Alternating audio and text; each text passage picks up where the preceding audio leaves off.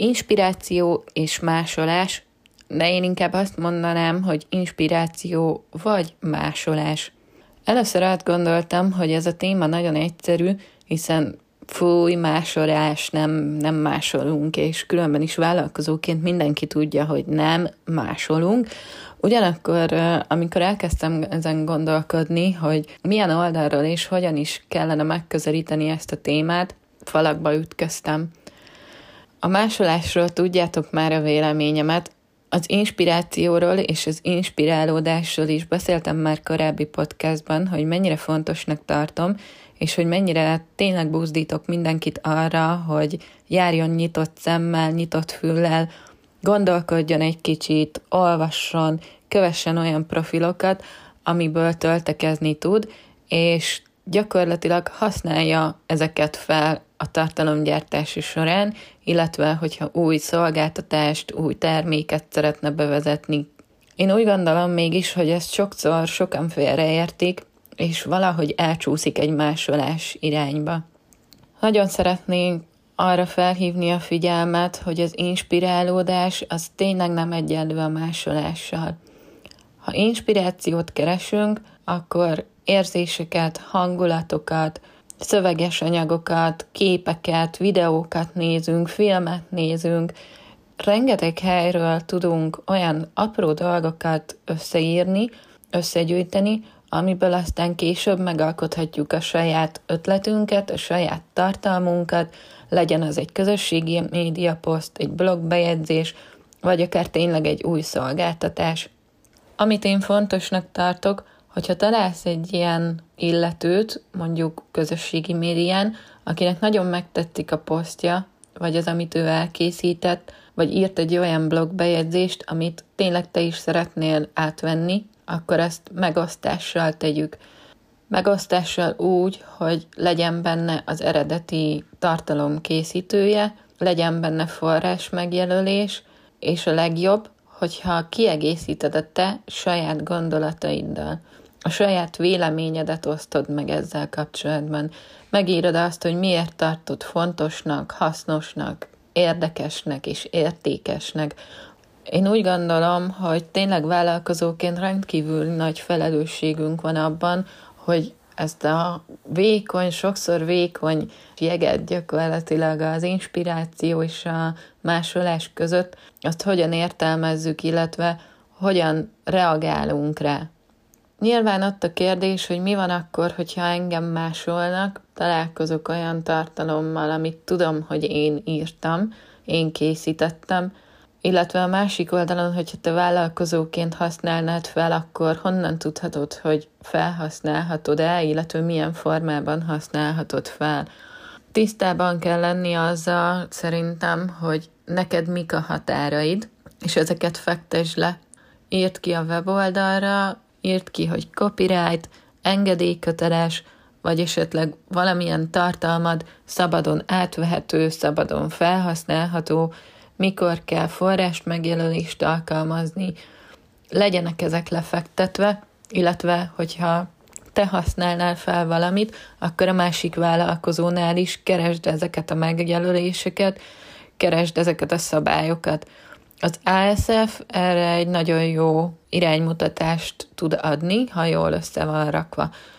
Itt ugyanis tényleg leírhatod azt, hogy mit vársz el, illetve megkeresheted azt, hogy a másik vállalkozó mit vár el, illetve hogyha engedélyköteles, akkor ezt hol tudod megkérni. Az ASF kapcsán fontos része szerintem a dátumozás, keltezés. Eszetekbe jutott már, hogy miért is kell időről időre átnézni, frissíteni, és tényleg olyan fontos kiegészítője egy weboldalnak, illetve egy vállalkozásnak. Én úgy gondolom, hogy pont itt a másolás kapcsán érdekes lehet az, hogyha ugye te lefekteted a szabályokat, és valaki ezt nem tartja be, nem néz utána, akkor tudsz jogalappal élni, hogyha az ASF-ben ott van, és tudod azt bizonyítani, hogy nem ma, nem öt perccel ezelőtt módosítottad, hanem ott van rajta a dátum, és ott van világosan, fehéren, feketén, hogy mit kérsz el, és gyakorlatilag mondjuk ez két hónapja már így van, maga a sztori az meg mondjuk tegnap történt. Én változatlanul abban hiszek, hogy ne használjuk fel más tartalmát, ezt én is alkalmazom, hogyha arról van szó, hogy például egy blogbejegyzést kellett írni, régebben ugye nagyon sok szöveget írtam, nagyon sok cikket írtam, és tényleg volt olyan, hogy már 50. alkalommal ugyanazt a témát, úristen, mit írjak meg, hogy írjak, és rengeteget kellett kutatnom, olvasnom, hogy otthon legyek annyira a témában, hogy megpróbáljam egy olyan oldalát megfogni, amit még nem írtam meg, vagy nem írt meg senki azon az oldalon annak a vállalkozásnak. Itt ugye nagyon figyeltem arra, hogy ne vegyek át szó szerint senkitől semmit. Inkább egy-egy bekezdést szépen kijegyzeteltem, fogtam a következő témába vágó cikket, azzal is ugyanezt tettem, kerestem ötleteket, hangulatokat, képeket, azokról az első dolgot, ami eszembe jutott, leírtam, összeírtam, és ebből a 8-10-20 helyről származó információból a saját gondolataimat írtam le, és ötvöztem egy blogbejegyzésé. De a képek tekintetében is ugyanez van. Én nagyon-nagyon nem szeretem az ilyen stockfotó oldalakat, illetve stock videós oldalakat, még azokat sem, amik ingyenesen hozzáférhető képeket tesznek közé, hiszen oké, okay, hogy itt meg van jelölve, hogy mi az, ami szabadon felhasználható, mi az, ami kereskedelmi forgalomban már fizetős. Én őszinte leszek, nem szeretem azt, amikor szembe jön velem a harmadik, negyedik vállalkozásnál ugyanez a fotó, még talán a színek, a formátum, semmi nincs rajta változtatva, sokkal egyedibbek vagyunk szerintem vállalkozóként. Más tükör az az, hogyha bele tudod vinni a te vállalkozásodnak az arculatát, az érzésvilágát, mint tényleg egy letöltött stockfotó, belegondoltál abba, mi van, hogyha most te ezt letöltötted szabad felhasználású fotóként, majd jön két év múlva esetleg egy e-mail az alkotótól, hogy ha te az én fotóimat használod, honnan fogod tudni azt bizonyítani, hogy az tényleg szabadon felhasználható volt még két évvel ezelőtt, amikor te letöltötted. Szerintem ez egy nagyon nehéz kérdés, és nem érdemes belemenni ilyen helyzetbe, pont ezért, hogyha saját magad elkészíted, nagyon jó mobiltelefonjaink vannak most már azért fotózásra is. Érdemes megfogni inkább erről az oldaláról a dolgot, és nem kitenni magunkat esetleges kellemetlenségnek. Szolgáltatóként szerintem nagyon nehéz dolgunk van abban, hogy a másik vállalkozótárs mikor inspirálódik tőlünk, vagy mikor másol minket. Amikor két terméket kell összehasonlítani, akkor ott könnyebben meg tudod fogni, hogy igen, ez másolat, és másolásról van szó. Szolgáltatóként viszont ugye van egy személyes hozzáadott érték, egy személyes tudás, ami mögötte van, egy olyan kommunikáció, amit mindenki másképp csinál, mindenkinek más a kisugárzása, habitusa, empátia készsége, ott sokkal inkább egy személyhez tudnak kötődni a követők, az ügyfelek, viszont ugye, mint vállalkozó, pont ezért nehezen tudod megfogni azt, hogy ő most lemásolt téged, lemásolta a programodat, hogyha ugyanabban a témában tevékenykedtek, akkor könnyen mondhatja azt, hogy de ő csak inspirálódott. Ez szerintem nagyon-nagyon nehéz, és itt egy kicsit így az egymásra odafigyelés és az etikus vállalkozás kerül előtérbe. Nem egyszer hallottam régebben azt a mondást, hogy másolnak, jaj, de jó neked, akkor biztos valamit jól csinálsz. Hát nem tudom, hogy ha én kerülnék ilyen szituációba, és nekem mondanák ezt a mondatot, én hogyan reagálnék, Valószínűleg most már higgadtabban, mert sokkal tudatosabban vállalkozok, de mondjuk egy három évvel ezelőtt, akkor azért biztos, hogy felhúztam volna rajta magam, mert ez nem mentség semmire. Olyanba sajnos már belefutattam, utazási fotókat kiraktunk Facebook oldalra, de a képet pár nappal később megtaláltam egy csoportban, egy utazós csoportban, ahol annyit kicsinyítettek a képen, hogy bal alsó sarokból levágták a logónkat. De annyira felismerhető volt a fénykép, hogy ez az én fotóm. Elcsúszott azon a dolog, hogy tényleg egy olyan helyen készült, amit több százezer ember biztos, hogy meg tud örökíteni.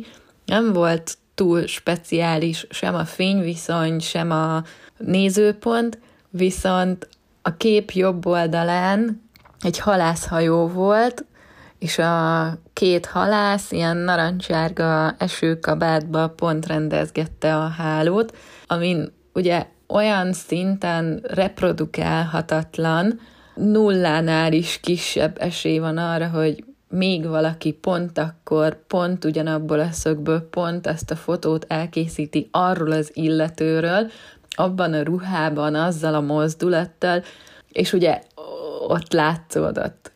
Én őszinte leszek, akkor azt mondtam, hogy nem megyek utána, megdicsértem a fotót, hogy szuper a fotós, és nagyon tetszik a kép, még akkor sem esett le az illetőnek, hogy esetleg gond és probléma van vele, de nem mentem utána, ugyanis nekem valamilyen szinten büszkeség volt, hogy felhasználták az én képemet, és egy olyan csoportban, amit én is követtem és szerettem, úgyhogy ez az én döntésem volt akkor, és ezért mondom azt, hogy vállalkozóként mérlegeljétek azt, hogy mekkora nyereség vagy veszteség érhet azáltal benneteket, hogy felhasználják a tartalmatokat, mert például az is lehet, ha egy link cserében megegyeztek, akkor ez neked még előnyös is lehet.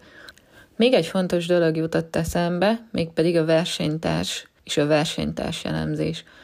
Korábbi podcastban beszéltem már, hogy a versenytársakat figyelni kell, és versenytárs elemzést kell készíteni, és mikor, és miért, és hogyan, és nagyon szeretném felhívni arra a figyelmet, és nyomatékosítani, hogy ilyenkor sem a másolás a cél.